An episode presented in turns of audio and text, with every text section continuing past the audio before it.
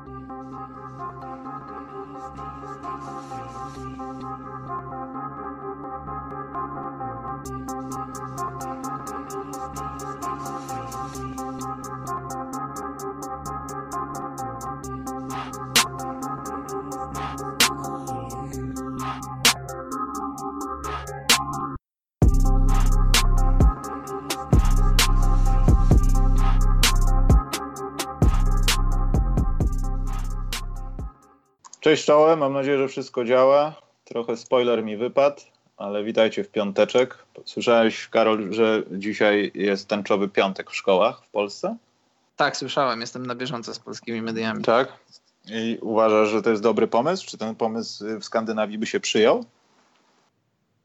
A nie chcę tego tematu poruszać w podcaście sportowym. Nie, szczerze mówiąc, to mnie trochę zaskoczyło, że, że w ogóle coś takiego y, może zbudować taką jakąś, nie wiem, falę dyskusji. Ja w ogóle to ominąłem, jakbym, nie wiem, nie czytał gazet albo nie miał żadnych informacji. Ale dobrze, skoro nie, Karol, to w takim układzie dzień dobry wszystkim. Słuchaj, mam swoje przemyślenia na ten temat i na wiele innych tematów. Jeśli umówimy się na podcast niesportowy, to taki nie, zrobimy. Na, na razie Karol sportowy. Wiesz, nie poruszajmy, nie poruszajmy tego. Nie możemy, razie... jak chcesz, możemy, nie ma problemu. E, poczekajcie, siódemka mi się zjadła. Aha, dobra. Słuchajcie, więc e, nie wiem, Karol, od czego zacząć, bo tych spraw jest trochę takich małych. Myślę, że na początku możemy poruszyć śmieszne, bądź też mniej śmieszne newsiki, które pojawiły się ostatnio w lidze. Mój pierwszy śmieszny newsik chociaż może nie powinienem się z tego śmiać, ale wyglądało to dosyć dziwnie. No, teraz przypada, albo przypadła już, albo niedługo będzie rocznica śmierci Flipa Sandersa. E, dla Minnesoty to był wielki cios i w ogóle dla świata koszykówki myślę, że to był spory cios, jeśli chodzi o osobowość tego człowieka. Natomiast i tego, co zrobił dla tej drużyny. Natomiast zdjęcie Andrew Wigginsa, który bodajże dostaje statuetkę najlepszego debiutanta i mówi, że w tym wpisie dziękujemy Flip, staramy się podążać trochę twoją wizją, nie wiem, czy Flipa Sandersa nie, nie obraża w jakiś sposób, jak to się mówi, że się przewraca w grobie. No bo tej wizji w Minnesocie nie ma. Wiggins nie wykazuje tak naprawdę takiego postępu, w jakim prawdopodobnie postrzegał go e, Flip Sanders. No i tak nie, brzydko się z tego śmiać, no ale to wygląda trochę, trochę śmiesznie, nie uważasz? O, wiesz, no i taki nie, trochę. Ładny trochę gest, wiesz, wspomnienie i tak dalej, Właśnie, ale pisząc takie ładny. rzeczy, które dzieją się w Minnesocie, a o tym też chyba trochę pogadamy, bo znowu dzieją się dziwne transfery albo dziwne rozmowy na ten temat. Wiadomo o kim, o Timim. E, to źle wyważone słowa, myślę, bo to jest taki, taki psztyczek, że można zawsze się pośmiać i zawsze, nie wiem, no, powiedzieć, o, co ty napisałeś, a w Stanach to na pewno go tam trochę zjadła opinia publiczna i tak złapałem się na tym, że to, że to czasami warto w takich najważniejszych momentach wiedzieć, co się pisze, albo przynajmniej nie chcieć napisać tego, co się chce, bo to może być zły pomysł. No wiesz, takie może trochę, może trochę niezręczne, bo y, kariera Wigginsa nie rozwija się tak, jak y, wszyscy się spodziewaliśmy, że się będzie rozwijać. No ale y, wiesz, raczej nie zakładamy, że że Wiggins miał jakieś, jakieś e, złe intencje, po prostu może zły dobór słów i, i wyszło jak wyszło, a ogólnie no, no Philip Sanders miał jakieś tam swoje przesłanie, przekazywał je i, i, i Garnetowi i później w tym drugim powrocie do Minnesoty. Mi najbardziej szkoda, ogólnie no jako człowieka szkoda go, że zmarł w młodym wieku, ale szkoda mi też, że nie zrealizował się ten projekt, bo Kevin Garnett po powrocie, tym już ostatnim do Minnesoty, był taki plan, że razem z Flipem Sandersem spróbują zawiązać takie konsorcjum jakby i, i wykupić Minnesotę, e, żeby KG i, i, Sanders albo jakaś tam grupa grupa właścicieli wykupiła Minnesotę i żeby KG był jedną z ich twarzy. To chciałem zobaczyć i niestety śmierć Sandersa pokrzyżowała ten plan. E, dobrze, kolejna taka mała informacja, ale ona jest chyba kompletnie nie, nie, nieistotna tylko jakoś dobrze mi ta firma gra w uszach i chyba wszystkim ludziom, którzy pamiętają nawet polską gonitwę o to, żeby kupić jakieś porządne buty do koszykówki na przełomie wieków. Y, Grant Hill podpisał dożywotni kontrakt z Fila. Ja nawet nie wiedziałem, że ta firma jeszcze żyje. Tak, świetna, świetna wiadomość. Wiesz co, ja... Czy tam u ciebie widziałem... gdzieś pojawiają się rzeczy Fila w ogóle? Tak, właśnie, właśnie chciałem to powiedzieć. No wiadomo, w latach 90. to, był, to firma Fila przeżywała boom za sprawą Granta Hilla. No i później jakoś nam zniknęła e, z, z krajobrazu e, sportowych marek. I powiem Ci, że właśnie tutaj w Szwecji w ostatnich paru latach w różnych sklepach widziałem e, różne produkcje Fila, bluzy, kurtki, takie jakieś tego typu rzeczy. Nie buty, ale, ale przeważnie jakąś taką odzież, bluzy i kurtki. Nie wiem jak to w Polsce wygląda, bo, no bo po prostu nie wiem, ale wiem, że wiem, że w Szwecji już od przynajmniej dwóch albo trzech lat dało się kupić produkty Fila. No ja się cieszę z tej, z tej informacji, że Fila wraca no bo wiesz, to jest taki sentyment, może te buty, jak pamiętam, jak w latach 90. z kolegami mówiliśmy, że wyglądają jak, jak y, wzorowane na żelazkach, trochę wyglądały jak żelazka. No ale wiesz, teraz to już mają swój urok, teraz to już jest retro. Nie, nie, nie chodziłbyś w nich, nie nosiłbyś ich do grania w koszykówkę, tylko nosiłbyś tak, wiesz, jako, jako jak, jak Jordany retro, tak nosiłbyś te, te stare buty Granta Hilla jako buty retro i, i no fajnie, fajnie.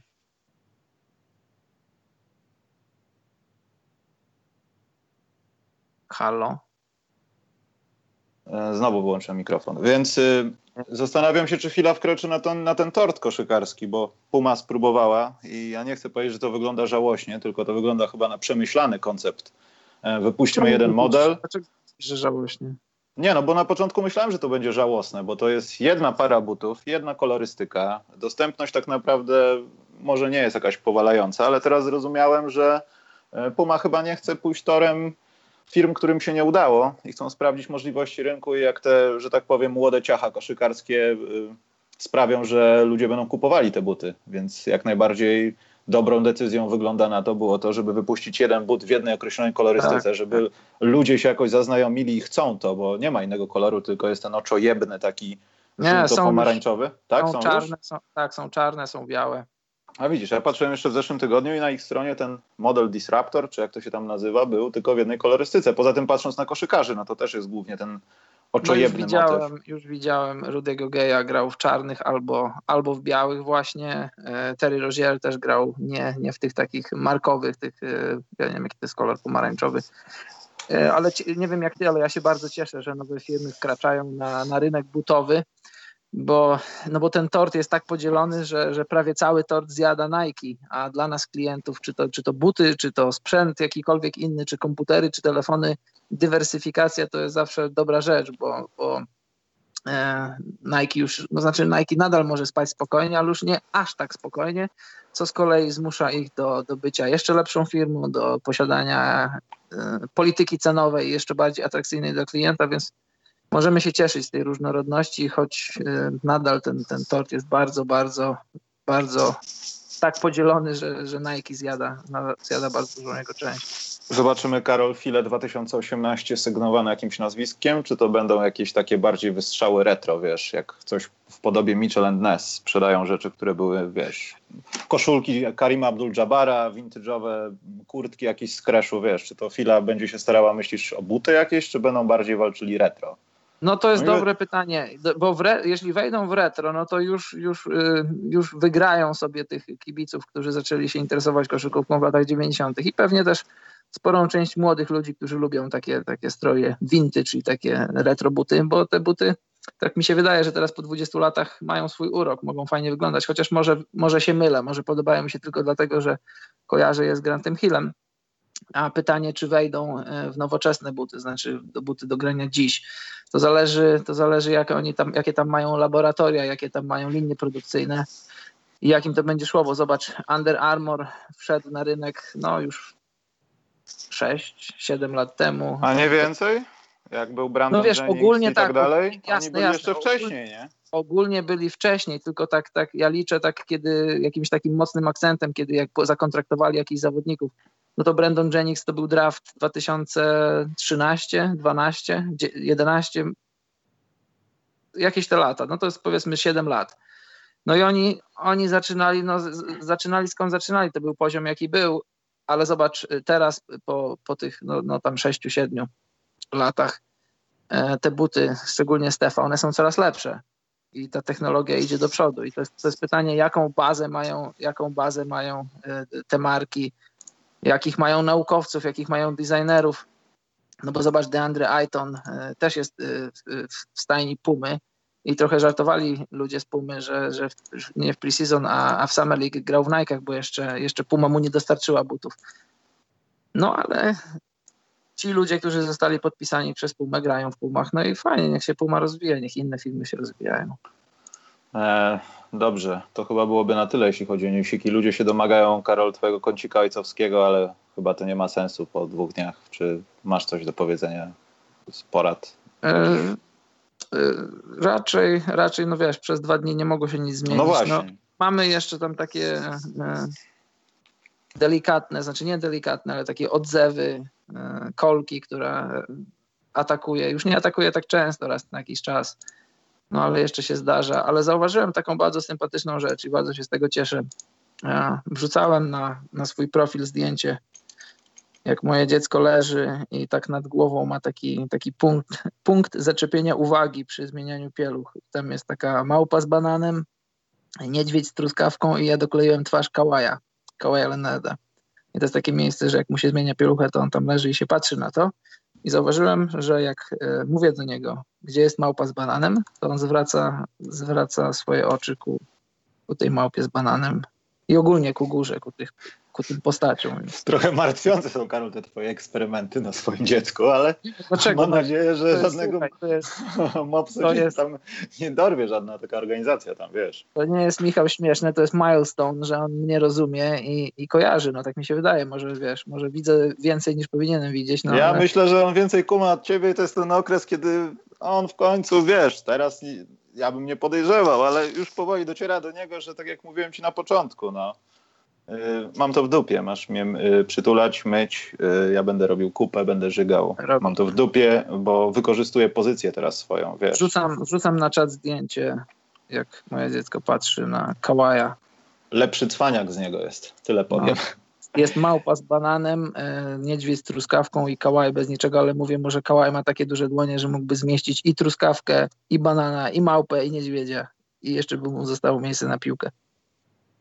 E, dobrze, Karol, przechodzimy do większych dramatów, jakie się dzieją w świecie koszykówki. E, znaczy, może nie dramatów. Czyli na Twoim blogu. Mój blog to w ogóle dramat.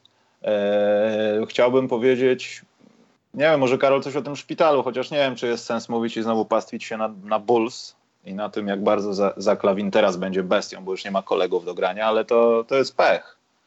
To jest straszny pech dla takiej drużyny, która się chce rozwijać. Nawet niech sobie zatankuje, ale to jest kolejny taki, taki nie wiem, pociągnięcie tego sznurka hamulca bezpie bezpieczeństwa w pociągu, który już raz został zatrzymany albo wielokrotnie został zatrzymany. No, nie, nie tylko zatrzymany, a wręcz, a wręcz cofnięty ze stacji jakiejś tam. No bo jeśli chodzi o Bobiego Portisa, no to ja tak jakoś specjalnie się nie przejmuję, aczkolwiek ma historię kontuzji. Natomiast dla Dana to jest kolejny cios dla jego zdrowia i nie wiem, jak bardzo się to przełoży na to, że on był na tej wznoszącej, ale na pewno to zatrzyma w jakiś sposób no, ten no, no. proces. A Dan jest takim gościem, który, no nie wiem, można go porównać do zupy, że cały czas czekasz, ona już doszła, doszła, doszła, aż w końcu odebrałeś telefon, okazało się, że ona cała się wygotowała, pomidorowa z ryżem już się do niczego nie nadaje, bo jest rozgotowane i w ogóle i tak Dan mi przypomina I taką, się przypalił. Tak, taką potrawę, o której zapomniał kucharz trochę przez te kłopoty zdrowotne, bo widzieliśmy, że on może być świetnym gościem i może to zbyt odważna teoria, ale w jakichś zakresach zdecydowanie może przebić za kalawina a nie ma ku temu okazji. Niestety. A wiesz, co jest najgorsze? Najgorsze z tą kontuzją, bo to jest skręcenie kolana. Skręcenie to jest taka, taka paskudna, paskudna kontuzja, no bo złamiesz sobie rękę, czy złamiesz jakąś kość, no i tam potrzebujesz 6-8 tygodni. Kość się zrasta i, i, koniec tematu. A skręcenie to jest taka paskudna rzecz, no bo to musisz raz, że te skręcone czy ścięgna, czy więzadła, one muszą dojść do siebie. Dwa, że musisz, y, musisz je przede wszystkim wyleczyć. Dwa, wzmocnić. A trzy, dać trochę czasu, żeby to wszystko doszło do siebie. I, i, i to jest bardzo takie nefralgiczne, bo, bo jak wrócisz za wcześnie, czy jeśli nie należycie się zrehabilitujesz, to wrócisz i jeszcze bardziej sobie pogłębisz kontuzję. Skręcenia to, to, to, jest, to jest najgorsze, co może być, a szczególnie w obrębie kolana. No, to, to jest rzecz, która się zgina i jak biega, rzeczy zginające się mają to do siebie, że są bardzo ważne. No, największy e... staw ludzkiego ciała. Ale też, y, no nie bądźmy tacy w Chicago zamknięci. No. Hardenowi też niby coś jest, to jest to co prawda niepoważne, ale coś jest. Hamstring e, tak zwany. Tak. Hamstring, który, który y, polski internet źle tłumaczy jako ścięgno podkolanowe. Hamstring to jest zwykły mięsień dwugłowy uda i tego się trzymajmy. Teraz dotarła jeśli informacja. Słuchają nas, jeśli słuchają nas ludzie, którzy piszą dla polskich portali internetowych o NBA, to nie piszcie ścięgno podkolanowe, tylko piszcie mięśni dwugłowy uda. Tak jest mój, mój apel. Po pierwsze, nie sądzę, żeby to coś dało. Po drugie, Karol, y, Luke Kennard się też rozwalił i to jest taki okres, że wszyscy się rozwalają. To taki, ja myślałem, że to nastąpi znacznie później, a nie ta fala kontuzji, bo to chyba już można nazwać troszeczkę falą kontuzji, już pomijając, że dwóch gości z ból zostało umoczonych, ale tu... A, ja bym powiedział, że może niekoniecznie. Falą, no to jest fala na skalę Chicago Bulls, ale tak na skalę całej ligi. Ale to... wiesz, w ciągu trzech dni okazało się, że no nie ma pięciu zawodników, powiedzmy, no, no tak, że no, coś znaczą. No. Ja nie mówię tak. o Hardenie, ale można się spodziewać, że coś jeszcze tam niestety będzie na rzeczy. I zastanawiam się, jak bardzo to gra, wiesz, z tym, co się teraz mówi o tempie gry, o wzmożonym, y, no, jak to mówią po angielsku, akcie ofensywy. Tak, tak. Y, to może mieć jakiś gdzieś klucz, ale my miejmy nadzieję, że do, nie będziemy słuchać przez najbliższe kilka dni, a ten jeszcze, a ten jeszcze, a jeszcze ten sobie coś zrobił, bo, no bo szkoda byłoby tracić taki dobry moment sezonu, bo bądź co bądź, no, nie do końca mi się podoba to, że rzucają tyle punktów i tak naprawdę te obrony czasami są zamknięte e, w tym, że jednak musimy przestać bronić i rzucać te trójki, bo już jest po 140 i ktoś musi wygrać. E, poza tym tip dla ludzi, którzy grają Bookmachera. Patrzcie na spready punktowe, bo to, co się dzieje w tym sezonie, to jest istne szaleństwo. Nie chcę mówić, że to jest łatwa kasa, bo Bookmacherzy już się, już się też przystosowali, ale gro spotkań leci w tempie powyżej 210-215 punktów na mecz. I naprawdę można grać w ciemno takie drużyny jak, nie wiem, Denver, Lakers i tak dalej, że przekroczą próg 230 punktów, a jeśli to się nie stanie, no to jest przypadek. Albo po prostu przeszacowanie, bo coś się stało w meczu. Dlatego tak, też taki... jak, raz, jak raz przegrasz, wtedy musisz podwoić przy następnym zakładzie i wygrywasz. To jest taki mój tip starego obstawiacza. To już jest Karol krok do bycia hazardzistą i sprzedania własnej nerki, także nie polecam wszystko z rozwagą. Jak to jest? Y, grajcie odpowiedzialnie, tak? Na tych reklamach bookmacherów. Tak, tak, tak, tak. No. Responsible Do, gaming. Dobrze, Karol, wchodzimy do strefy brzydkich tematów. Pierwszy brzydki temat to nie będzie o brzydkim Westbrooku, aczkolwiek w Oklahomie tak. znowu trochę jest brzydko. Oglądałem wczorajszy mecz i dzisiejszy mecz i to było brzydkie trochę, że Westbrook pod koniec no, te trzy kolejne posiadania ceglił. Szczególnie e. końcówka Oklahomy była taka brzydka. Tam było od stanu 95, 86, chyba było 9 punktów przewagi dla Oklahomy i od tego momentu do końca meczu Oklahoma zdobyła już tylko jeden punkt, a Boston no, całą resztę. To było brzydkie. Dobra, przechodzimy do rzeczy, która chyba nie jest jeszcze aż tak brzydka, ale stała się też jakaś zero sensacji, ale jest o czym pogadać. Yy, taki wirtualny trochę pojedynek Del Demps kontra David Stern, czyli David Stern bardziej wypowiedział się na temat Dempsa niż naprawdę mieliby się panowie bić.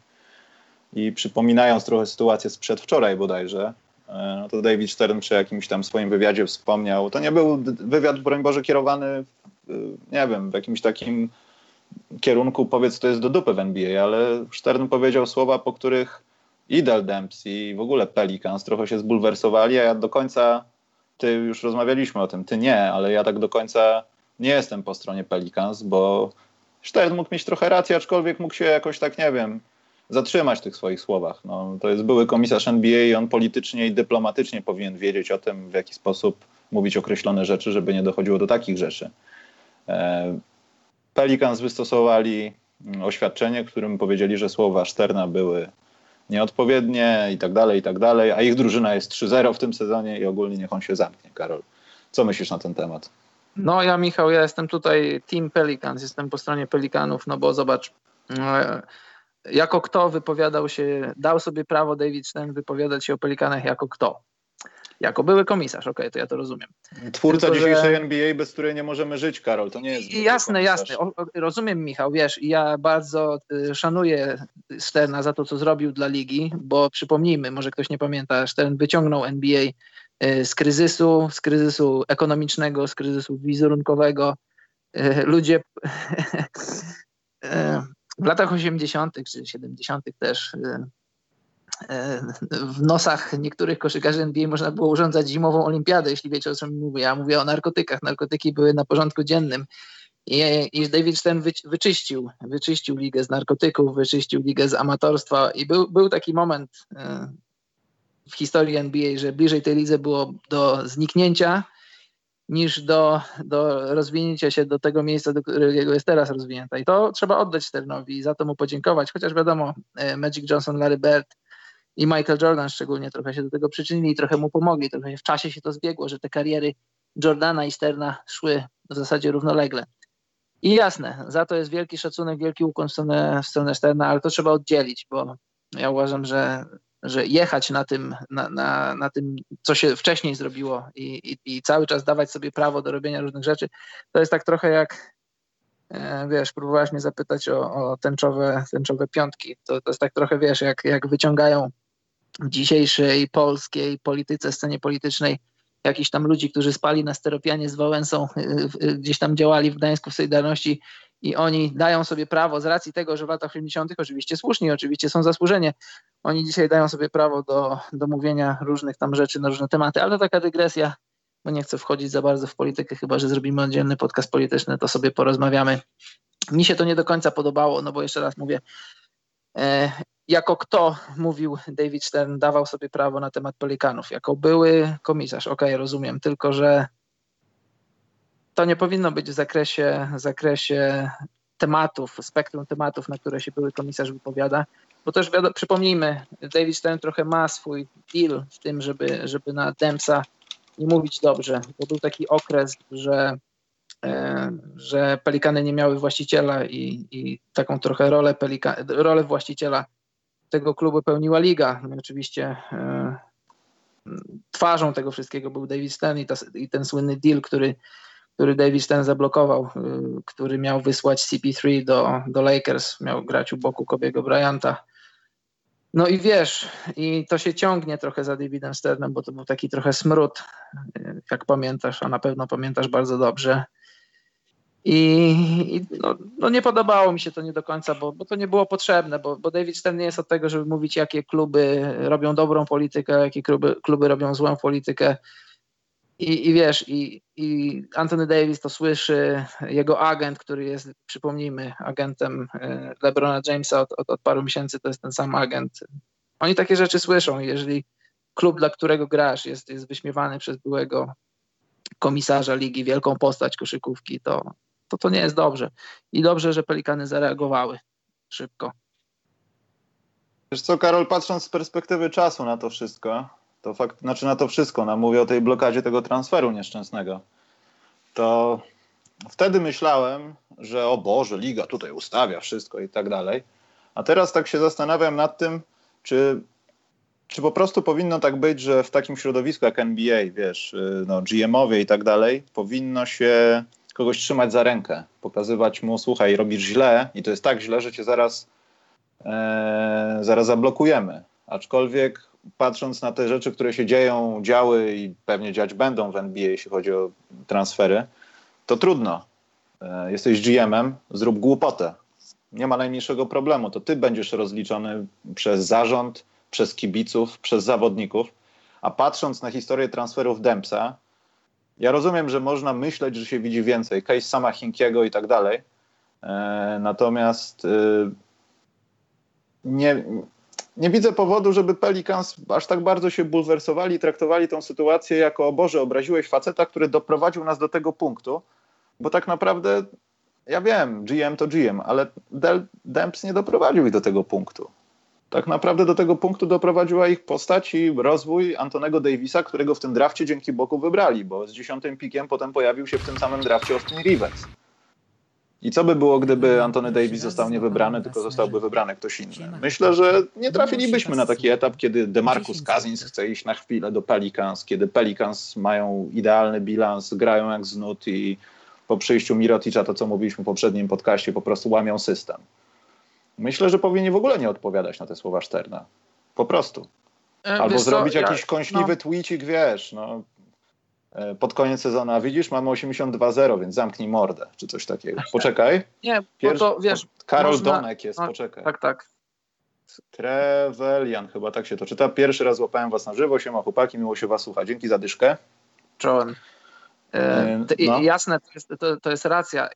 Tę, tę, sprawę można rozpatrywać na, na dwa sposoby. Pytanie, zapytać retorycznie, czy David Stern miał rację. Może miał, oczywiście, bo, bo management Pelikanów w ostatnich latach w tych latach, o których rozmawiamy, to nie jest jakiś tam modelowy management i ja nie mówię, że David Stern nie miał w tym racji, tylko że sam fakt, że, że dał sobie prawo, żeby się wypowiadać na ten temat, to, no to, to już powiedziałem, co o tym sądzę. A to, że mógł mieć rację, no to, to jasne, jasne, oczywiście. Tak, ale tu trzeba podkreślić, no, ten wywiad y, bodajże z Chrisem Ballardem ze Sport Illustrated, y, no nie był w, chyba, tak mi się wydaje, zaplanowany w takiej kategorii, żeby oceniać ludzi. Po prostu pojawiło się takie pytanie i, i pojawiła się taka na nie odpowiedź, wiesz, rozmowa dwóch facetów przy herbacie. Wiem no, o jasne. tym na przykład, tylko... że Adam Silver, myślę, pod koniec swojej kariery by tak nie powiedział z drugiej strony, nie? Jasne, tylko że wiesz, tak ogólnie powiedzieć coś. No, okej, okay, nie ma problemu, tylko że on mówi, tak jakby wiesz, groził palcem jakiemuś tam swojemu e, uczniakowi i mówi, że słuchaj ty, jak będziesz tak robił, to stracisz Antony Davisa i, i, i lepiej ty cicho siedź. To, tak, to, to, trochę było takie trochę nie bardzo, że weź ty, weź ty człowieku, zejdź mi z oczu, bo, bo jeszcze stracisz Antonego Davisa i po co ci to? No i prawdopodobnie to się stanie kiedyś w przyszłości. O może tak do końca. Znaczy ja wierzę w to, że Pelicans, jak każda ekipa, potrafi doprowadzić się do takiego punktu, że w końcu jest dobrze, w końcu coś znaczymy, w końcu trafiliśmy na właściwych ludzi, właściwego trenera, bla, bla, bla i nam idzie. Wszystko jedno, kto jest na zachodzie, czy są Rockets, czy są Warriors, my jesteśmy. Ale udowadniajmy to własną grą. Demps, gdyby się przyjrzeć historii jego transferów, y, to sami kibice by to powiedzieli, co David Stern. Dlatego chyba najbardziej mnie to uderzyło, że wszyscy o tym wiedzą, a jednocześnie się bronią przed tym, bo to nieprawda i ktoś nie może tak mówić. Wiesz, Nerlens Noel, te wszystkie, że no, długo by wymieniać te transfery, które tam się wydarzyły, a można było lepiej trafić. Po prostu. Albo lepiej wybrać, pewno, bo widać było niektóre rzeczy. Dobrze, zostawmy tak, ale, ale wiesz, no. jak, jak, jeszcze tylko jedna rzecz, jak, jak spojrzysz na historię e, na przykład draftów, no bo po draftach też można poznać e, zaawansow jak zaawansowany jest analytics danego klubu, jak siatka agentów działa i wszystko, na podstawie samych draftów, powiedzmy na, na przestrzeni 5, 6, 7 lat, możesz tak w zasadzie co do, w zasadzie do każdego klubu możesz się przyczepić, że mieli ten wybór, wybrali kogoś, a, a dwa numery niżej był ktoś tam i oni go nie wzięli, nie zdecydowali się, to, to, to wiesz, no to w, w zasadzie jeśli, jeśli o tę część managementu chodzi, to, to można sobie dorobić teorię do, w zasadzie do każdego klubu. Dobrze, my dzisiaj, dzisiaj jesteśmy jak Teleexpress, więc chyba nie złamiemy magicznej bariery godziny. E, więc Karol chyba zostawimy Dempsa i niech wiedzie im się Zostawmy jak najlepiej. Dempsa. E, aczkolwiek w historii NBA zostanie ta łatka, że NBA zablokowało Chrisa Pola i jest jakiś, jakaś konspiracja na ten temat, ale to już, to już jest bez sensu w ogóle rozpatrywać to pod jakimkolwiek kątem. To, co teraz się dzieje w Pelicans jest najważniejsze, a nie to, co się działo. E... David Stern, najlepszy ball lokujący w historii NBA. Ja myślę, że Divan George jest najlepiej blokującym transfery, bo no, ten transfer z Jasonem Kidem kiedyś, kiedyś no, powstał, tak, tak, został tak, zablokowany tak. przez Divana George'a, którego ja nie wiem, czy on coś się z nim teraz dzieje, czy nie. Ale e, zobacz, dobra, pomyśl no. sobie, ja jedno, dobrze, że to przypomniałeś, bo ja wtedy, gdy to się działo, raczej się nie działa, sobie tak myślałem o tym, zobacz, siedzisz w szatni, jaka to jest nad tobą presja, że tutaj wielkie, ty jesteś tylko mięsem armatnim w zasadzie, tam wypełniaczem, żeby się kontrakty zgadzały. Dokładnie, on Wielcy... był ostatnią osobą w tej wymianie, y- która coś tam miała zamknąć. No i zobacz, i ty jesteś takim ostatnim w klubie i ty mówisz, nie, ja mam to gdzieś, ja nie, ja nie robię tej wymiany. I oni do ciebie przychodzą, przychodzi do ciebie GM, przychodzą do ciebie gwiazdy, no co ty tam Divian, co ty tam Michał, no weź, ale ty mówisz nie i już. Nie wydurniaj to trzeba się. Mieć, ile trzeba mieć takiej, wiesz, y, odwagi, samozaparcia, żeby tak, żeby tak powiedzieć. No, Ale pamiętasz, też był też taki zablokowany deal. E, Iverson miał z Filadelfii trafić do, do Detroit. On tam ostatecznie trafił, ale to było tak jeszcze wcześniej. Jak...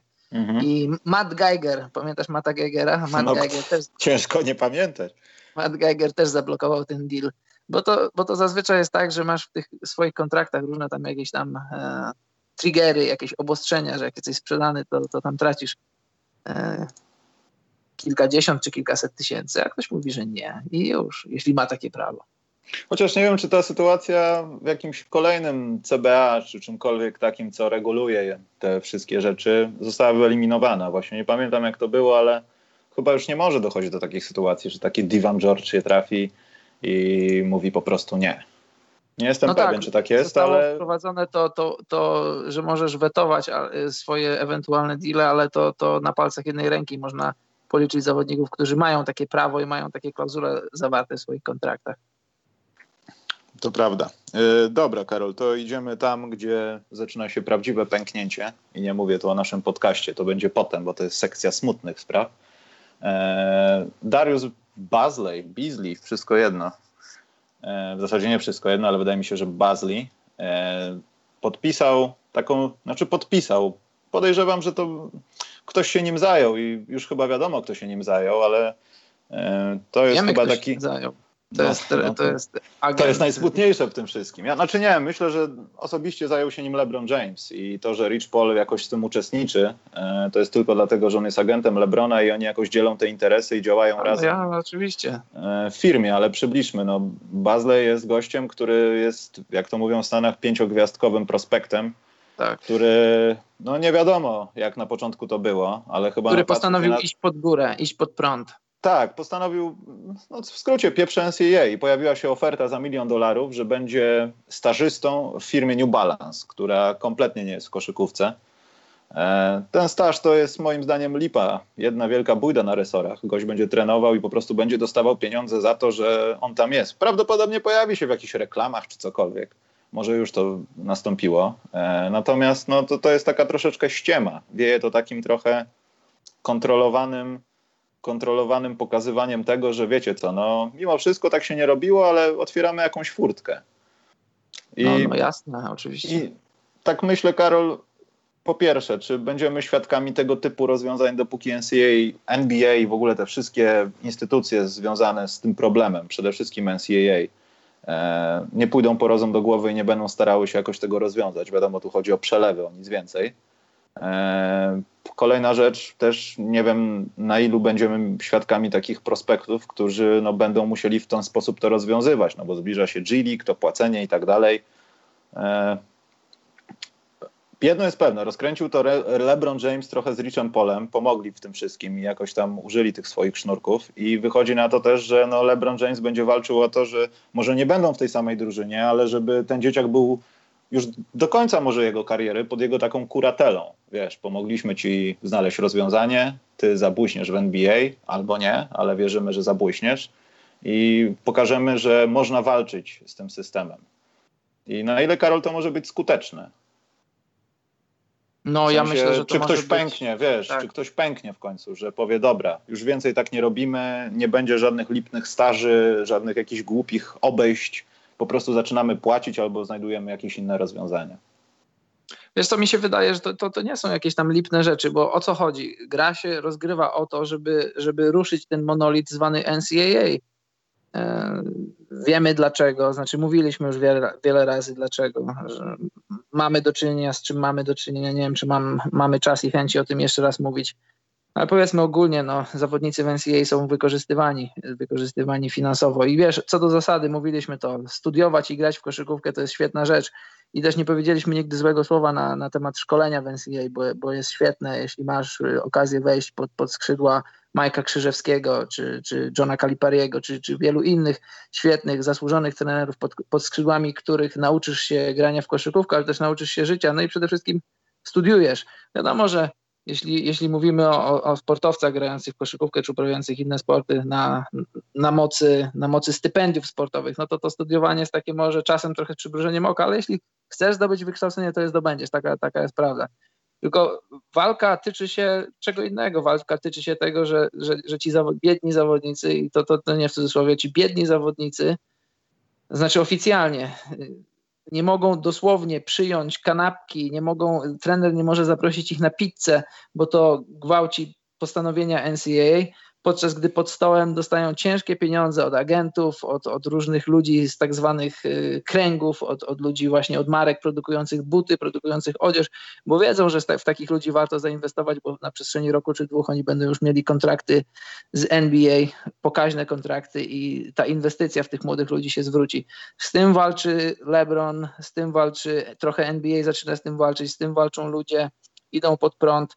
I, I bardzo dobrze, ja się z tego cieszę, bo ja napisałem taki tekst, y, taki trochę, y, kilka moich pomysłów, jak naprawić NCA i prost, dla mnie sprawa jest prosta. To znaczy trochę trzeba zreformować też draft. Y, trzeba, ja uważam, że trzeba płacić tym zawodnikom przede wszystkim. Trzeba im, trzeba im płacić, trzeba dać im możliwość przystępowania do draftu, ale jeżeli nie zostaną wybrani, to, to żeby mieli możliwość powrotu na studia, grania dalej więc i dalej studiowania. Jest dużo pomysłów i jest dużo, dużo możliwości naprawy NCAA, tylko że i przy okazji też naprawienia tankowania, problemu z tankowaniem. Tylko, że nikomu, znaczy nikomu, e, wielu okręgom, wielu ośrodkom nie jest to na rękę. Bo wiesz, e, jest jak jest i ludzie, ludzie za bardzo nie lubią zmian, bo, bo ten proceder musiałby być ukrócony. Więc cieszę się, że pojawiają się tacy ludzie, którzy próbują trochę kruszyć ten, ten monolit, ale nie, to, to, nie, to nie będzie łatwo, bo to było budowane przez, przez dekady i to, to, to nie będzie tak łatwo to zmienić. Dariusz Beasley e, mówię, Dar, idzie, idzie trochę pod prąd. No ja mu kibicuję i to wiesz, e, jak dla mnie to nie, to nie jest fikcja. On sobie trenuje, on ma podpisaną umowę z New Balance, na pewno wyjdzie jakiś but dla niego i to też fajnie, że nowy gracz na, na rynku butowym wchodzi, wchodzi na ten rynek. Przypomnijmy, znaczy przypomnijmy, no New, New Balance to jest dobra firma, ona, ona miała kiedyś swego czasu jakieś tam modele koszykarskie, tylko i wiesz, y, nie wiem, czy dobrze pamiętam, było kilku koszykarzy na, w historii NBA, którzy grali w New Balance'ach i, i dosyć blisko było rozmowy tego, czy Gordon Hayward y, nie, nie będzie grał w New Balance'ach. On, on ostatecznie wy, wybrał chińską firmę, z tego co pamiętam Li-Ning, ale no, rozszedł się z Nike'em i też, też miał na myśli, rozmawiał z New Balance'em, więc, więc y, New Balance chce, jak widać, wejść z powrotem do koszykówki. No, poza, tym, poza tym przybliżając trochę, no przy, przynajmniej to, co się pojawiło oficjalnie, to ten milion dolarów jest wypłacony niezależnie od tego, czy on się dostanie do NBA i co się z nim stanie podczas następnego roku, czy tam jakiegoś czasu. Tak, bo I to dopiero, może być więcej. Tak, tak, tak, bo to może tam chyba jest 14 milionów, jeśli tak, on spełni tak. jakieś wymogi zapisane w kontrakcie. Prawdopodobnie to dotyczy no, nie samej gry, no bo on grać nie będzie i będzie trenował w Bostonie aż do draftu. Przynajmniej tak się mówi. E, natomiast no, myślę, że tutaj chodzi o to, jak daleko zajdzie, gdzie zostanie wybrany, jak się pokaże i tak dalej. I to są te piki takie w tym kontrakcie. Tutaj też poboczną sprawą jest taka, może nie mała kłótnia Lebrona Jamesa, ale z y, trenerem Syracuse, do którego Bazley Darek miał dołączyć. E, Jimem Boheimem i tam to zostało szybko zagaszone, ale też się pojawiła taka dyskusja, no fajnie, no to co to teraz będziesz LeBron podkupywał zdolnych zawodników? Oczywiście panowie kulturalnie to rozwiązali, nie ma żadnej gównoburzy i tak dalej. Eee, ale mimo wszystko jakiś taki niesmak, znaczy niesmak dla NCAA, taki ślad pozostał, że no, już ten lód jest bardzo kruchy. I jedna rzecz mnie zastanawia, dlaczego Nike nie zwrócił się z taką E, z taką ofertą dla tego dzieciaka, tylko New Balance. Skoro LeBron maczał w tym ręce, to myślę, że to nie zrobiłoby większej różnicy, a może Nike by więcej zapłacił. No słuchaj, I to, moim I to też jest, Karol, bardzo no. ważna kwestia, bo patrząc na te firmy obuwnicze, to z wiadomych względów wiadomo, dlaczego na przykład Adidas nie wyszedł z pieniędzmi. No bo oni mają gnój w NCAA, FBI, tłumaczą się w sądach, i tak dalej. I ta cała awantura została oparta o pieniądze od Adidasa prawdopodobnie, przynajmniej tak się mówi. Więc tą firmę możemy wykluczyć, ale Nike no ale ja myślę, że Nike też jest tak samo umoczony, no bo zobacz, jak, jak, jak spojrzysz na, na to, kto produkuje produkty, e, produkuje produkty. No, kto produkuje rzeczy związane z, z uniwersytetami. E, masz, masz stroje Duke, masz stroje Północnej Karoliny, no i wielu tych topowych, topowych uniwersytetów, to większość z nich produkuje Nike. I wiesz, i, i i, za to idzie ciężki pieniądz i pieniądz jest dzielony na, na, na dwie części, uniwersytety i Nike. Zawodnicy dostają tak zwaną figę z makiem. Więc też myślę, że, że w interesie Nike jest, żeby się nie wychylać tutaj w tym temacie. A wracając do New Balance'a, Wiktor słusznie przypomina, że przecież Matt Bonner, Red Mamba, grał w New Balance'ach. No tak, nie, ale oczywiście wiesz, to zdaję sobie sprawę, ale to było x czasu, x czasu temu i New Balance tak naprawdę na nie wiem czy na płaszczyźnie NCAA, ale zawodowego NBA, no, zawodowego NBA, jak to głupio brzmi, sorry, e, na płaszczyźnie NBA e, no nie istniał chyba. Chyba, że czegoś nie widziałem i ich logo było aż tak małe, że nie zauważyłem, ale to chyba... Powtarzam, ostat... Matt Bonner. Ale teraz? W sensie teraz jeszcze nie, coś? Teraz chyba no nie. właśnie, więc chyba z chyba 5 nie, lat New Balance jakoś, chociaż nie wiem, jakoś tymi małymi firmami specjalnie się interesowałem, bo nie były widoczne. Ale od jakiegoś czasu ich nie ma. Ale tak e, ogólnie New Balance no. jako firma to jest dobra firma. Jest, jest, jest kilka modeli butów dla, dla sędziów i znaczy ja ich nie mam i nie miałem, ale moi koledzy mieli i, i chwalą je, że są trwałe i, i, i, dobre. No i też New znaczy Balance. nie, sama marka sama w sobie no. tak lifestyle'owo, no to bardzo dobrze się trzyma i opinie na ten temat są, na temat ich produktów, no nie są jakieś tragiczne i też mają jakąś swoją niszę w sprzedawaniu tych butów, które są trochę podobne do Nike Cortez. Tak mi bardzo się przypominają tak. niektóre modele, ale mimo wszystko no radzą sobie i to nie jest tak, że robią to na siłę. No. Są popularni, w jakiś tam sposób sprzedają swoje produkty i to nie jest główno firma. No tak jak powiedziałem wcześniej, ja się bardzo cieszę, im więcej firm wchodzi, wchodzi na rynek butowy do NBA, tym, tym lepiej dla, dla klientów, tym lepiej dla rynku, bo, bo Nike ma trochę bodźca, żeby, żeby, żeby się rozwijać jeszcze bardziej, żeby politykę cenową trochę dostosowywać do, do kieszeni klientów. No i no, no dobrze, cieszę się. E, jak myślisz, Karol, jak e, wyjdzie na ten Darek? To będzie kolejna osoba, która przez te wszystkie, no nazwijmy to, nieporozumienia, niesnaski wojny z NCAA, bo już kilku mieliśmy takich zawodników. Mówiliśmy o Brandonie Jenningsie, a on też przecież no. e, stwierdził, że ma to w dupie i będzie grał we Włoszech przeciwko Seanowi Kempowi, bo był taki mecz, już wielokrotnie o tym wspominaliśmy. On spełni te oczekiwania, że to będzie pięć gwiazdek, które przełamało system, będzie w top 3 draftu i będzie masakrował innych, czy, czy bardziej myślisz, że będziemy się, nie wiem, za rok śmiali z tego, na co ci to było, chłopie? Było sobie ten rok z Qs przebiegać i Problem, udawali, że nic się nie stało. Moim zdaniem problem z Darkiem jest taki, że no on będzie tam już niczego mu nie będzie brakowało, bo na pewno będzie miał stworzone idealne warunki, żeby trenować, tylko że potrzebujesz meczów, takiego zwykłego meczowego ogrania, na jakim by to nie było poziomie. I nie wiem, czy takie warunki będą mu stworzone, czy on będzie miał możliwość z kimś trenować, z jakąś drużyną, ale wiesz, trenowanie to jest zawsze trenowanie. I na przykład y, to, co zrobił Brandon Jennings czy Moody, jeden z nich wyjechał do Włoch, drugi do Chin.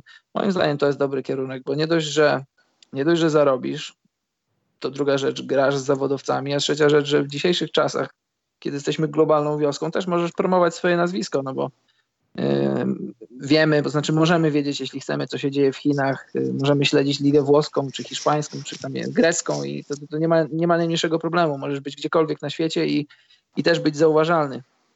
Więc yy, ja myślę, że to też jest jakaś droga dla ludzi, którzy chcą omijać łukiem NCAA.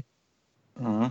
Ale ja jestem bardzo ciekaw tego aspektu sportowego, bo to się, przepraszam, będzie musiało mm, no, zazębić jakoś. No. Te oczekiwania będą musiały, wiesz, znaleźć swoje ujście w tym, że on będzie tym, kim ma być, a nie, że po prostu LeBron wybrał sobie gościa, który nie wiadomo kim będzie i będzie on takim, nie wiem, trochę Michaelem Jordanem, który on przełamuje ten system i robi pierwszy krok dzięki swojemu statusowi, kontaktom, Clutch Sports Group i tak dalej. Wszystko jest to wciągnięte. Także to, to, jest bardzo ważna sprawa nawet dla samego NBA, jak to, jak to będzie dalej. No bo jeśli to wypali, no to myślę, że NCAA nie będzie miała już żadnego wyjścia, tylko będą musieli coś zrobić. I nikogo no nie właśnie. będzie interesowało to, co zrobią, tylko musicie to zrobić jak najszybciej.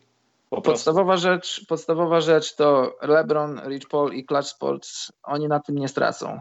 A czy zyskają, tego nie wiemy. Znaczy jest potencjał w tym temacie, jest potencjał w tej narracji do tego, żeby wiele wygrać. A nawet jeśli nic nie wygrają, to, to, to w ich e, biznesie nic się nie zmieni. Więc to jest, e, to jest dobra inwestycja. I wizerunkowo, i finansowo, która może się opłacić.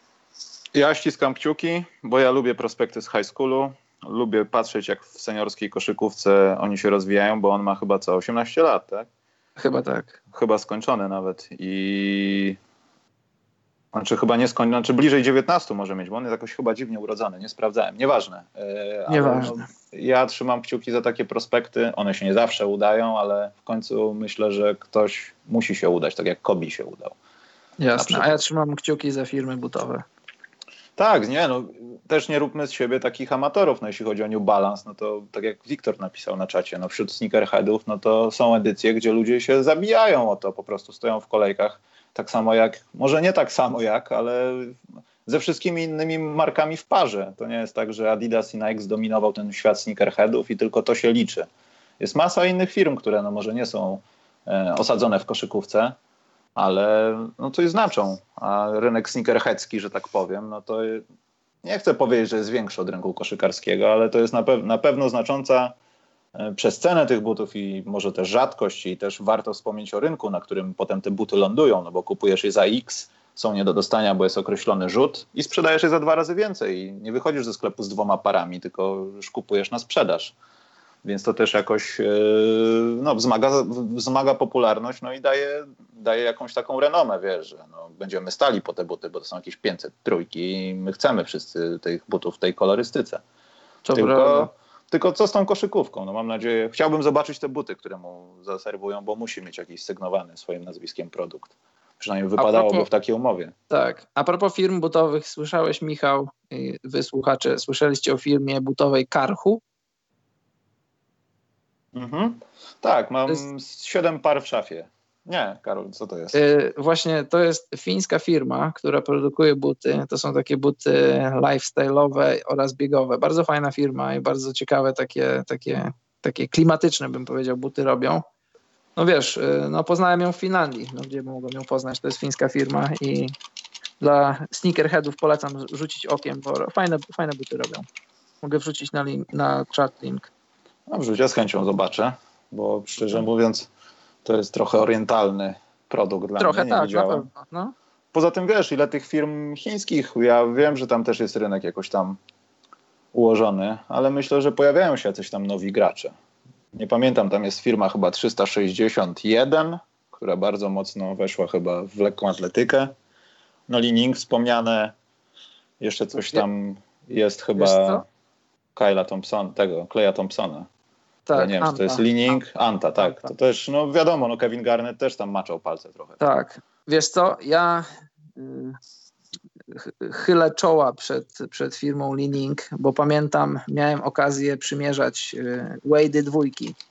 I Wade dwójki by Lining to był dramat. Te buty naprawdę były jak żelazka, były ciężkie. Ale, były ale co było większym dramatem? Jordany Wade'a te ostatnie, czy to?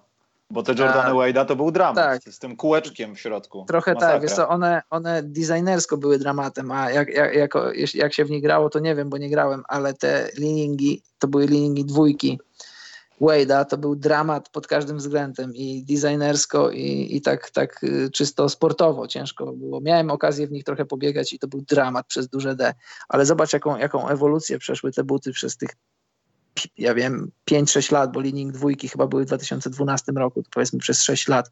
Te ostatnie Wade'y naprawdę raz, że wyglądają fajnie, to dwa, że, że technologicznie zrobili kroki. One, one, one są już teraz naprawdę dobrym butem. Hmm. Poza tym nie pamiętam, która firma, ale to chyba Leaning. No, ja wiem, że Adidas i Nike walczą o to też, żeby mm, no, wejść w te dzisiejsze czasy i robić buty 3D ale to bodajże Chińczycy wyszli z pierwszym takim, może nie do końca prototypem, ale czymś, co było blisko sprzedaży. I nie pamiętam, o którego zawodnika chodziło, ale chyba tam był za, zamieszany w to Dwight Howard.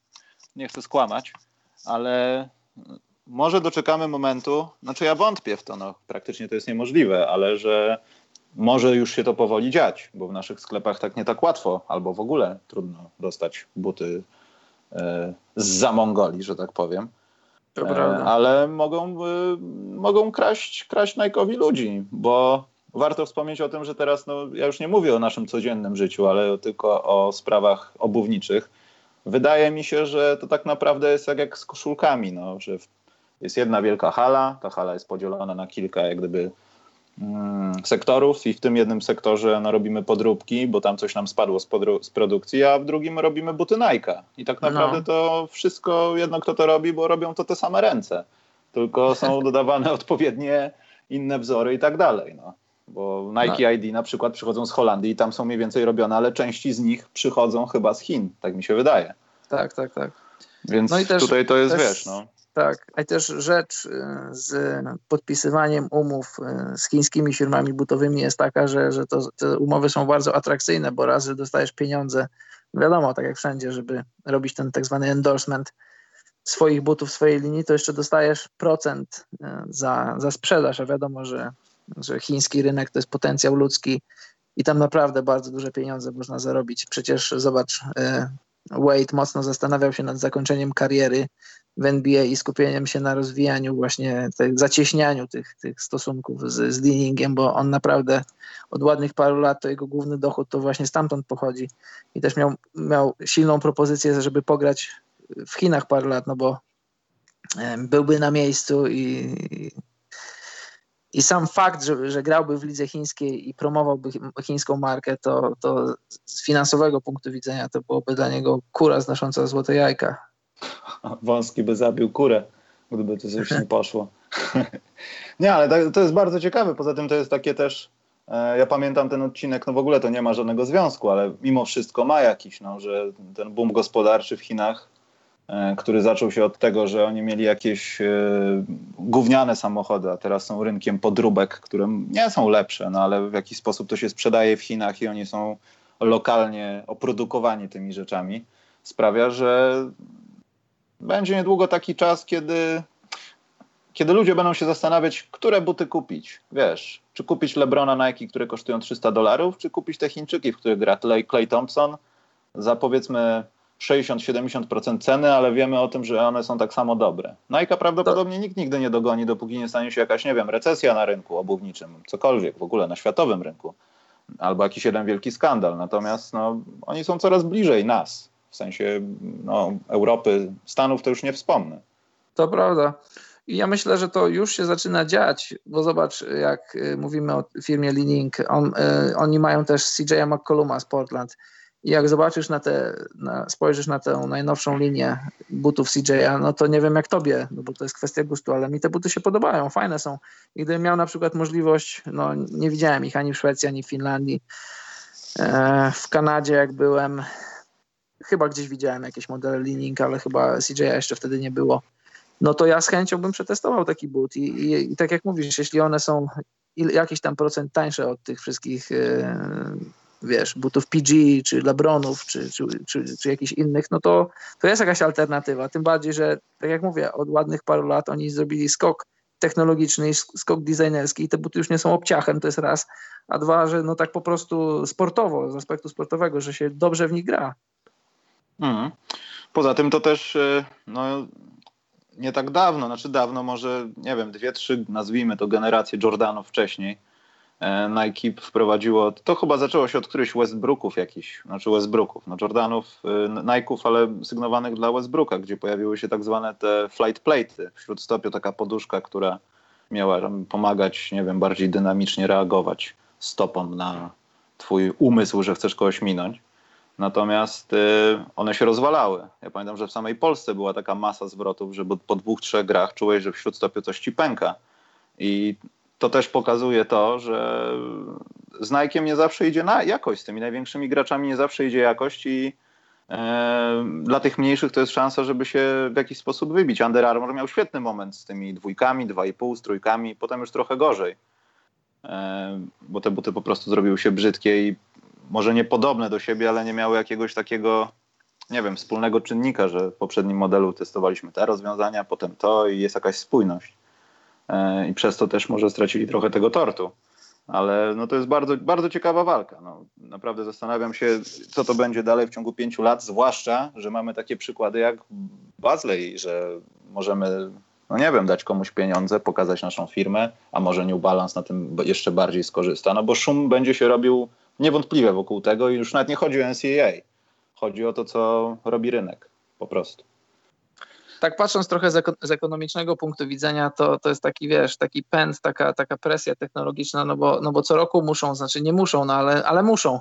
Co roku muszą wyjść, musi wyjść nowy model, czy tam Lebronów, czy, czy CP3, czy, czy Polu George'u, czy ogólnie co roku muszą wychodzić nowe modele sygnowane czyimś nazwiskiem, no bo, no bo każda firma to robi. Jeśli, jeśli się szanujesz, to musisz wypuszczać. Ale wiadomo, że technologia aż tak szybko nie idzie do przodu. To jest tak samo jak z telefonami masz Samsunga Galaxy S8, masz dziewiątkę i one się aż tak bardzo ze sobą nie różnią. To w zasadzie co dwa, co trzy modele jest jakiś skok technologiczny, no ale jest presja rynku, jest presja y, klientów, no jest w ogóle chęć, wiadomo, dodatkowego zarobienia i, i, i, wypuszczasz te nowe rzeczy i taki skok technologiczny, jeśli tutaj rozmawiamy o butach, nie, a nie o elektronice, no to jakiś tam skok technologiczny też nie następuje co roku. No bo zobacz, mhm. y, w, ostatnie, w ostatnich latach firmy idą w te, w te, w te materiały z tej, z tej, z tak zwanej plecionki. I też początki były różne. I ja na przykład teraz gram w, w KD y, dziesiątkach. Dziesiątkach, dobrze mówię, najnowsze są jedenastki, a ja gram w dziesiątkach. I wiesz co, one są fajne, one są super lekkie, tylko że jest taki problem trochę z tą plecionką, bo jak robisz y, nagłe zwroty ścinasz, czy jakiś crossover próbujesz robić, to czasem masz wrażenie takie, nawet jak są dobrze zawiązane, że ta plecionka to, to, to nie jest jeszcze, to, to, ja rozumiem, że to się będzie rozwijać, to będzie coraz lepsze, ale to jeszcze nie jest to, co, co tradycyjny materiał, który jednak trochę zatrzymuje twoją stopę w tym wszystkim. I, I tyle. Pozostaje jeszcze ta kwestia, która dla mnie jest, no, była nieśmiertelna i pamiętam, że gdzieś tam, nie wiem, no, znowu wracamy, lata 90., połączonych 2000, no to buty w sklepie, które kupujesz, to nie znaczy, że to są te same buty, które goście mają na nogach, bo tam e, Ależ oczywiście, tak. Gdzieś coś jest odlane, ale jak widzieliśmy Manu Ginobili, miał buty, z których e, odpadały podeszwy na przykład no. i, i to też chyba był Nike. Nie chcę kłamać, ale chyba tak było. Tak, Poza tak, tym, tak, to był Nike. mówiąc o tym case'ie Bazleya i ja, Boże, New Balance, no pamiętajmy też o Big Baller Blend. Tam się to w ogóle nie udało. No, ale wiesz co, ja... Gdzie jest Angelo? Gdzie, gdzie oni są? Gdzie, gdzie jest Big, ta marka? Słuchaj, Big Baller Blend jest ze wszystkich stron krytykowany, a ja bardzo trzymam kciuki za tym projektem właśnie z tego, z tego względu, co powiedziałem wcześniej, że jestem za dywersyfikacją tego rynku i, i w ogóle, wiesz, Lavar Ball jest kontrowersyjną postacią i ogólnie rodzina Bolów jest kontrowersyjną e, Mm, narracją czy historią ostatnich lat. Ale sam pomysł, zobacz, sam pomysł, żeby stworzyć firmę, żeby, żeby produkować własne buty, bo to w dzisiejszych czasach nie jest aż takie trudne właśnie. Musisz sobie wynająć jakąś tam firmę czy firemkę małą w Chinach i, i zaczynasz działać, tylko że moim zdaniem oni, oni trochę oni trochę za bardzo buńczucznie podeszli do tego wszystkiego, że jesteś big że płacisz po 500-600 dolarów za buty. Moim zdaniem oni właśnie odwrotnie powinni wyjść. Oni powinni wyjść z butami, tak jak pamiętasz kiedyś Stefan Marbury z butami za 15, za 20 dolarów. I oni z tym, z czymś takim powinni wyjść, bo, bo w dzisiejszych czasach, tak jak mówię, no z jednej strony to jest trudne, bo ten tor jest podzielony, ale z drugiej strony tak czysto technologicznie to, to, to, nie jest trudne zacząć produkować buty, tylko wiadomo, że musisz, musisz w ten rynek wejść, a ten rynek jest już taki trochę, no jest, no był do tej pory zamknięty, teraz trochę się otwiera. A tak jak mówisz, jasne, że, że buty sygnowane nazwiskami zawodników w wielu przypadkach tylko z wierzchu wyglądają tak jak buty, które może kupić regularny, regularny klient. No daleko nie trzeba szukać. Sam LeBron ma, LeBron ma takie koślawe stopy, to chyba mówiliśmy kiedyś w jednym z podcastów. Miałem okazję, zresztą to, to, to nie jest żadna tajemnica, to można, możecie sobie zobaczyć w internecie na, na Google obrazki, ale akurat miałem okazję widzieć nagą stopę Lebrona z bardzo, bardzo bliska i, i to potwierdzam, że jego stopy są bardzo koślawe i buty dla Le Lebrona to tylko z wierzchu wyglądają jak te seryjne buty, które możesz kupić, a, a od środka to jest specjalny odlew brany jego stóp i specjalnie robiony. Pamiętasz, nie pamiętam, który to był, który to był model, ale był z nim problem. E, to jak jeszcze LeBron chyba w ostatnim roku w Miami albo pierwszym Cleveland taka trochę mini kontrowersja wyszła, że wyszły już nowe Lebrony, a Lebron grał w tym modelu wcześniejszym, bo oni jeszcze nie zdążyli z produkcją tego właśnie odlewu dla Lebrona. Pamiętasz to? Mhm że on tam chyba jedną połowę zagrał w tym nowym bucie, później zmienił na wcześniejszy model, bo, bo nie do końca mu pasowały, bo oni po prostu dali mu regularny but, który możesz kupić w sklepie, on potrzebuje tego custom. I on, I on wrócił chyba do tych swoich starych zoomów takich tak, z tak, rzepem. Tak, tak, tak. I też się pojawia jakaś dyskusja, o to będzie jakieś retro, ale ja pamiętam te Lebrony z rzepem były naprawdę e, bardzo dobre. Poza tym e, pomijmy już w ogóle tą kwestię tego sprzedażowego, no ale teraz już doszliśmy do takiego etapu, że już pomijam to, niski nie może grać w koszykówkę, jesteś za niski, tylko już nie musisz mieć wysokich butów. Jesteś tak obtejpowany, że to i tak ci nic nie da. To tylko powoduje, że się upocisz bardziej. Tak, I będziesz tak. czuł się komfortowo. Także to jest też no, taka zmiana, która też jest taka, że wiesz, no, ja pamiętam te Duranty, które były jeszcze tak bardzo niskie i ludzie bez tejpu, mimo że tam wszystko było w środku, no kostki szły po prostu w miliardach. A mimo wszystko, no wiesz, buty garneta, tak? Tylko nikt nie powiedział, że pod tą skarpetą, pod skarpetą masz tyle tejpu, że możesz sobie obwiązać zderzak w samochodzie, jak masz dzwon. No, no jasne. Kwestia no. tejpowania to jest jeszcze, jeszcze osobna rzecz. A jeśli ktoś jest zainteresowany, to wrzucam na czat y, moją historię z Lebronem i jego stopami. Karol, ty jesteś jakimś podofilem czy coś takiego. Łydki, stopy. Nie, no wiesz, y, to jest temat, nie wiem, czy chcemy go poruszać. No po prostu ja nie mam na przykład problemu z tym, żeby docenić y, męskie ciało, bo wiesz, jeżeli człowiek jest dobrze zbudowany, to znaczy, że włożył w to dużo pracy.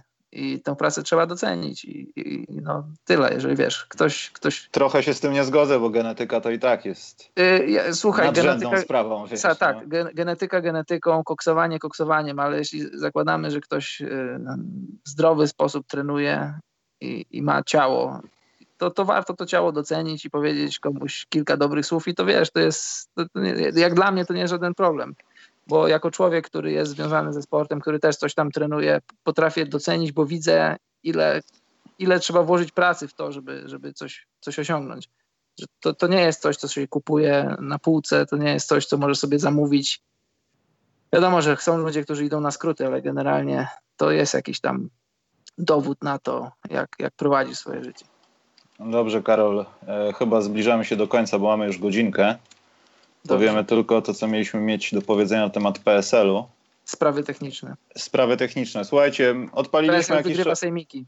Tak, tak. E, właśnie taka dygresja. Ostatnio jakoś tak wracam do za chwilę dalszy ciąg programu i coraz bardziej stwierdzam, że te programy były jakieś takie... Super. Proro... Pro... Nie, tak. prorocze. To prawda, e, to prawda. Czy o wyborach, czy coś. I był taki jeden odcinek, pamiętam, że pokazali E, wybory. Oczywiście tam to wszystko było przeinaczone, że wygrywa ten, kto ma najmniej głosów i PSL wygrywa e, wybory w ogóle w Polsce. To były lata 90. te pierwsze wybory, więc śmiało wszyscy robili sobie z tego jaja. Trudno się dziwić, bo to był trochę lekki chaos. Trochę to pamiętam, ale nie tak dobrze. I powiedzieli, że no PSL wygrał i tak dalej. Jest taka scenka, że Wasowski siedzi w traktorze, ucharakteryzowany na rolnika, podchodzi do niego chyba Szczęśniak i go pyta, no i co pan robi już po tych wyborach? No nic, no zrywamy asfalt, tutaj gdzie jest telewizja to pola będą. Ale jak to, to teraz miasto będzie wsią? Tak, tu pola golfowe sobie porobimy, już nie będzie żadnych ulic, wszystko założymy i on odjeżdża tym traktorem. I tak dziwnie, ironicznie zawsze pasuje za chwilę dalszy programu z jakimiś takimi rzeczami. Z PZPN-em, z PZPN-em to był strzał no. w dziesiątkę. A pamiętasz ten sketch, co Man jest y, jakimś dyrektorem takim, który nie podejmuje żadnych decyzji, bo jakby tak, podjął tak, jestem decyzję, na stanowisku, to... dokładnie, tak. dokładnie. Albo dyrektor Kura, dyrektor Plastpola, tak, który, tak, tak. który potem zamienił tam chyba, nie wiem, e, Boże, Hamleta w reklamę swoich misek, no bo on produkuje plastik i on jest e, wielkim biznesmenem. I to też był taki przytyk do początku lat 90., gdzie wystarczyło mieć trochę pieniędzy, pokombinować już tak, mogłeś tak. swój status społeczny podnieść, no bo w końcu był wolny rynek i tak dalej. Dobra, ale już kończąc temat PSL-u, słuchajcie, z miesiąc temu odpaliliśmy tego Patronite'a. To nie do końca działa tak, jak powinno działać. Ja pomijam to, że e, Patronite sam w sobie jest trochę taki nie tyle co skomplikowany, co ciężki do ogarnięcia, jeśli chodzi o zapytanie się, zmienienie i tak dalej. No ale widzimy, że to nie przynosi żadnego rezultatu. Dlatego podjęliśmy decyzję, że no prawdopodobnie do końca roku, chociaż to jest tylko taka techniczna sprawa, jak to e, Patronite z nami rozwiąże, ale mm, prawdopodobnie wyłączymy ten Patronite, bo on nie ma najmniejszego sensu. E, wydaje nam się, że to jest taki sposób, który, no nie wiem, może źle zareklamowaliśmy, może nie podkreślamy tego na każdym kroku, ale no, nie działa to tak, jak powinniśmy. I nie mówię tego w charakterze takim, że teraz się popłaczemy, że nagle pojawi się milion złotych, bo to nie o to chodzi. No, chodzi też o to, że potrzebujemy od was jakiegoś głosu, co jest nie tak, że nie działa. A tak naprawdę, no to założyliśmy Patronite, bo głosy od was były takie, że jest potrzebne, bo system don donacji jest do dupy. A jeśli jest do dupy, no to coś jest do dupy, no to mówcie, co jest do dupy, zmienimy. Jeśli to jest w ogóle bez sensu, no to nie ma najmniejszego sensu męczyć się, robić dwóch programów w tygodniu, skoro są rzeczy, które wam nie odpowiadają. Dlatego chcielibyśmy ustalić do końca przynajmniej tego okresu próbnego, który sobie postawiliśmy, żeby no, dokonać jakiejś zmiany, żeby to miało ręce i nogi, bo jeśli nie, no to nie widzi, ja nie widzę z Karolem żadnego problemu, żeby jemu nie robić kłopotu, nie robić dwóch podcastów w tygodniu, żeby od nowego roku zostało to, albo po prostu było raz na jakiś czas, tak jak było to kiedyś. To też nie jest nasze skamlanie, tylko no, postawienie sytuacji jasno, no, jak chcecie, żeby to wyglądało. No i jeśli nie będzie żadnych zmian, no to na pewno będziemy zwracać ludziom pieniądze, którzy zapłacili za Patronite, bo jeszcze nawet nie przekroczyliśmy progu, który może nam pozwolić zabrać te pieniądze. E, no i tak to wszystko wygląda.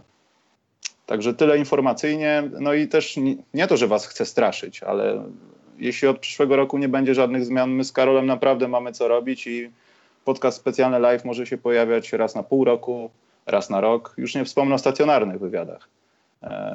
No bo też musimy zająć się swoimi sprawami, a siedzenie dwa razy w tygodniu po godzinie, może dla mnie mniej, ale dla Karola na pewno jest kłopotliwe i e, to już nie chodzi o to, żeby zobaczyć milion na koncie, tylko żeby mieć świadomość tego, że robimy coś dla Was. To, co chcieliście, zrobiliśmy, a jeśli czegoś nie chcecie, to dajcie znać.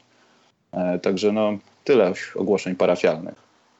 Nie wiem, Karol, masz coś do dodania? Nie, bardzo ładnie to powiedziałeś.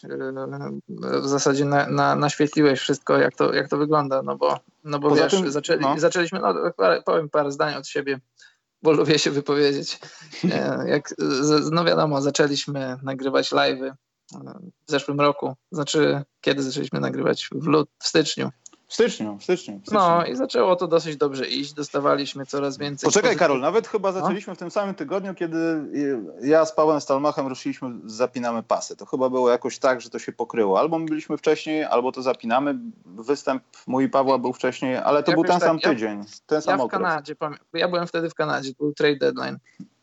I i tak wiesz, no wiecie, słuchaliśmy, dostawaliśmy pozytywne komentarze, pozytywne jakieś tam maile, odzewy, że, że wszystko jest fajnie, że, że moglibyście to jakoś próbować spieniężyć. I tak zaczęliśmy rozmawiać, że fajnie byłoby to zrobić, zintensyfikować pracę i, i nie mówimy tak jak Michał powiedział, że nie, żeby jakieś tam, żeby jeździć Bentleyami i widzieć 6 zer na kontach, no ale zawsze fajnie jest jak, jak twoja praca jest w jakiś sposób doceniona i nie tylko, nie tylko kwiatami, nie tylko dobrym słowem. Powiedziawszy to wszystko, no założyliśmy Patronite'a i te różne inne rzeczy, tylko że e, no to też tak jak Michał powiedział, no to my, nie płaczemy, bo mamy swoje różne inne działalności, swoje życie i w ogóle, no ale chcieliśmy trochę się temu poświęcić. Jeśli z różnych przyczyn e, nasi słuchacze widzą to trochę inaczej, to dla nas nie jest aż taki wielki problem. Możemy, możemy się ukazywać, e, znaczy rozmawiać live e, raz na tydzień, raz na dwa tygodnie, czy na przykład tak jak, tak jak przerwa miała dużą przerwę, przerwa na żądanie ekstra i też wiadomo, w idealnym świecie moglibyśmy o NBA rozmawiać codziennie, bo to lubimy i wydaje nam się, że się na tym znamy. Ale tak jak Michał powiedział, dla mnie to jest naprawdę bardzo duży wysiłek, żeby, żeby mieć godzinę, półtorej czy dwie tylko dla siebie. Tylko dla siebie, bo jak ktoś pisze, to mogę co pięć minut odejść, gdy jestem potrzebny. Gdy nagrywamy E, nie live'a, tylko zwykły podcast, to też możemy to pociąć, możemy e, przerwać, a, a tutaj jestem tylko i wyłącznie, jestem zamknięty w swoim, swoim centrum dowodzenia światem i, i wiesz, i zmiana pieluchy, płacz czy różne rzeczy, no to, to, to ja muszę to, muszę to mocno wyważyć. I to też my się na nikogo, no. my się, my, my, się na nikogo, my się na nikogo nie gniewamy, jest jak jest i w dzisiejszych czasach E, płacenie w internecie to nie jest jakiś kosmos, no ale też ludzie, ludzie robią to rozważnie i sięganie do czyjejś kieszeni to, to, to nie jest jakaś komfortowa rzecz, więc, więc my to rozumiemy i nie jest to dla nas aż taki wielki problem, bo na, nasze życie aż tak bardzo się nie zmieni. E, poza tym jest też jedna kwestia, że to jest żadna wasza ocena, no Boże. Ja też jestem w tej grupie osób, która, no co tu dużo mówić, no jeśli chcesz coś obejrzeć za darmo, to to oglądasz, jeśli masz zapłacić za coś, no to znaczy, że jesteś jakoś wkręcony i czegoś od tego oczekujesz i patrząc na konkurencję, na inne tego typu rzeczy, w ogóle na rzeczy, które za, trzeba zapłacić. Ja nie mówię o koszykówce, nie mówię tutaj, nie wiem, o innych kanałach na YouTubie, które robią takie rzeczy, no to widać, że oni w jakiś sposób postawili wszystko na jedną kartę, w sensie, że no nie chcę przytaczać przykładu Łukasza, no keep the bita, no ale jemu to się jakoś kręci, bo ma odpowiednią y, odpowiednią rzeszę ludzi. U niego to działa na takiej trochę zasadzie, że to są bardziej młodsi słuchacze i tak naprawdę no my się śmiejemy z tego, że ktoś komuś kartę kredytową za Iwaniu matce na przykład, ale tam jest taki czasami target, że może dochodzić do takich rzeczy. To nie jest nic złego. Bardzo się cieszę, że takie rzeczy w końcu w koszykówce się pojawiają. Natomiast, no, tak jak Karol powiedział, mamy świadomość tego, że robimy to dobrze i my możemy sami sobie pogadać o koszykówce. Nie musimy tego opowiadać ludziom. E, tylko po, potrzebujemy sygnału. Jeśli nie, nie ma problemu. Ja, ja z chęcią po prostu sobie będę miał wolny czas i, i na OBS-ie będziemy z Karolem żygali do wiadra przebrani za żyrafę. E, ale tak naprawdę no, no, powinno się coś z tym zmienić. A jak się nie zmieni, trudno. No, macie kupę miejsc, kupę rzeczy. Powinniśmy się cieszyć z tego, że tak naprawdę mamy głupi magazyn o polskiej koszykówce. Gdzieś tutaj, nie wiem, macie Kwiatkowski, szósty gracz. Cieszmy się z tego, ale i też rozumiem, że jeśli ktoś chce obstawić te wszystkie pola, a niestety no, tak jest, że twórcy wyciągają ręce po pieniądze z różnych przyczyn. Na przykład z takiej przyczyny jak my, no nie wiem, e, prosty przykład. Ja My z Karolem podjęliśmy taką decyzję, że zamierzamy nie dokładać do tego projektu z własnej kieszeni. Dlatego jeszcze nie ma SoundClouda. Dlaczego nie ma SoundClouda? Bo e, wpływy na Patronite są takie, że na miesiąc założę SoundClouda, po miesiącu nie będzie tych pieniędzy. Umówiliśmy się, że nie dokładamy z własnej kieszeni i SoundCloud nam wyłączy wszystko, a jednocześnie zrezygnujemy ze starego darmowego serwisu i nie będzie nic z odtworzenia. Dlatego przynajmniej tłumacząc tą sprawę SoundClouda, tak to wygląda. I no, z Karolem zrobiliśmy sobie pewne ustalenia i też nie za specjalnie chcemy je łamać. No, jeśli to nie wyjdzie, to nie ma żadnego problemu. To jasno chcemy podkreślić, bo tu nie chodzi o żebranie o pieniądze, tylko zapytanie się, co jest nie tak. Bo ewidentnie coś jest nie tak. A jeśli nie mamy od was sygnałów, no to możemy dalej kluczyć po ciemku bez latarki po piwnicy. Tyle. Tyle. O, dobrze, Karol, to ty idź do karmienia. Ja idę sprawdzić, jak tęczowy piątek e, wpłynął na nasze miasto, znaczy moje miasto, Warszawę. Dobrze, Michał, dziękuję. Dobrze, więc y, do zobaczenia, do zobaczenia, haha, do usłyszenia w przyszłym tygodniu. A, mam wiadomość od wydawcy Jordana, że oni teraz mają te targi, więc w weekend nic nie ustalimy, ale w poniedziałek, wtorek mam już obiecane sfinalizowanie tej sprawy z konkursem, więc prawdopodobnie wtorek, środa, najbliższy stream będzie jakoś tam leciutko obrzucony tymi książkami, a jednocześnie chyba nie pamiętam, 14 będzie premiera Simonsa. Dowiedziałem się też, że e, na La Botiga, nie wiem czy przekręcam nazwę strony tam, gdzie SQM sprzedaje książki, będzie normalna wersja bez paku. Także jeśli nie będziecie chcieli dużego kartonu, tylko samą książkę, to będzie taka opcja, bo jednak panowie stwierdzili, że ten pak to będzie taka taka nagroda, ale ogólnie to będzie dostępne osobno w sprzedaży. No to tyle, Karol, lecimy. Tak, Michał, lecimy. I co? Żegnamy się. A, już? ja chciałem, tak, ja chciałem powiedzieć tylko jedną rzecz, bo nie powiedzieliśmy tego w newsikach. Ceny biletu Cleveland Cavaliers są tak małe, że parking pod halą kosztuje kilkokrotnie razy więcej niż bilet, bo tam są jakieś dziwne y, sytuacje z resellingiem tych biletów na stronach nie klubowych, tylko zajmujących się czysto sprzedażą biletów, e, że bilety są po 2 dolary, a parking kosztuje 25. Także no to, na koniec taka, taka dziwna sytuacja. No to można powiedzieć, że wyjście na NBA kosztuje cię 27. Chyba, że nie masz samochodu, idziesz z buta, no to płacisz dwójkę. Za hot dogi i piwo zapłacisz więcej niż za bilet. Ale możesz dostać w web, w tak zwany web, jak idziesz Ale na, Karol, bilet na NBA za 7 zł? Na, na, ja nie chcę powiedzieć Legię Warszawa, ale na żaden klub w Polsce ekstraklasowy nie wejdzie się poniżej dychy. Jeśli wchodzisz na bilet oczywiście. No to prawda, tylko pytanie, gdzie siedzisz? Tam pod dachem, pod kopułą, że lepiej oglądać na, na telebimie, czy, hmm. czy koło Jacka Nicholsona? Nie, to chyba nie za dwójkę. Chyba Jack Nicholson ma wykupione naokoło miejsca. Jemu trzeba dopłacać za to, że możesz mieć honor siedzieć koło niego. Chyba tak. E, no dobra, Karol, to czas na Twoją kwestię i spieprzamy. Trzymajcie Dobrze, się i e, życzmy sobie, żeby NBA tak była szybka, jak jest w tych pierwszym półtora tygodniu NBA, Dobrze. bo to naprawdę coraz lepiej wygląda. Mi to się zaczyna podobać. Pewnie to odszczekam za tydzień, ale podoba mi się. Dziękujemy za dziś, że byliście z nami dzisiaj, słuchaliście live. Też dziękujemy, że będziecie słuchać jutro, czy pojutrze, czy w samochodzie, czy podczas obierania ziemniaków, czy podczas odkurzania. Cieszymy się, że nas słuchacie. Cieszymy się, jak komentujecie i piszecie różne rzeczy, co możemy zrobić lepiej, co możemy zrobić inaczej. Fajna jest taka interakcja, no bo tak jak Michał powiedział, my sobie lubimy pogadać i sobie możemy pogadać prywatnie, ale tak rozmawiać na szerszym forum też jest fajnie, bo zawsze jest fajnie skonfrontować jakieś myśli, przemyślenia, teorie na różne tematy. Więc to jest dla nas najfajniejsze w robieniu podcastów, szczególnie live, bo w live'ach nie ma, nie ma marginesu błędu, nie można, nie można się pomylić. Znaczy można się pomylić, ale później internet ci to wytknie. No i do zobaczenia w przyszłym tygodniu, do usłyszenia. Trzymajcie się, zakładajcie czapki, bo najwięcej ciepła traci się głową. Dobranoc, mili ludzie. I nie słuchajcie Karola z czapkami, bo w Polsce ma być po 20 stopni za tydzień, także możecie się przegrzać. No, no, Nosicie no, czapki ma... do wtorku. Do wtorku czapeczki są. U mnie mają być przemrozki, ja już, ja już czapkę wyjąłem, już nawet, już nawet raz używałem. Nie, to są dwa inne systemy walutowe, pogodowe. No właśnie. Dobranoc, ludzie. Czołem, trzymajcie się. Thank you.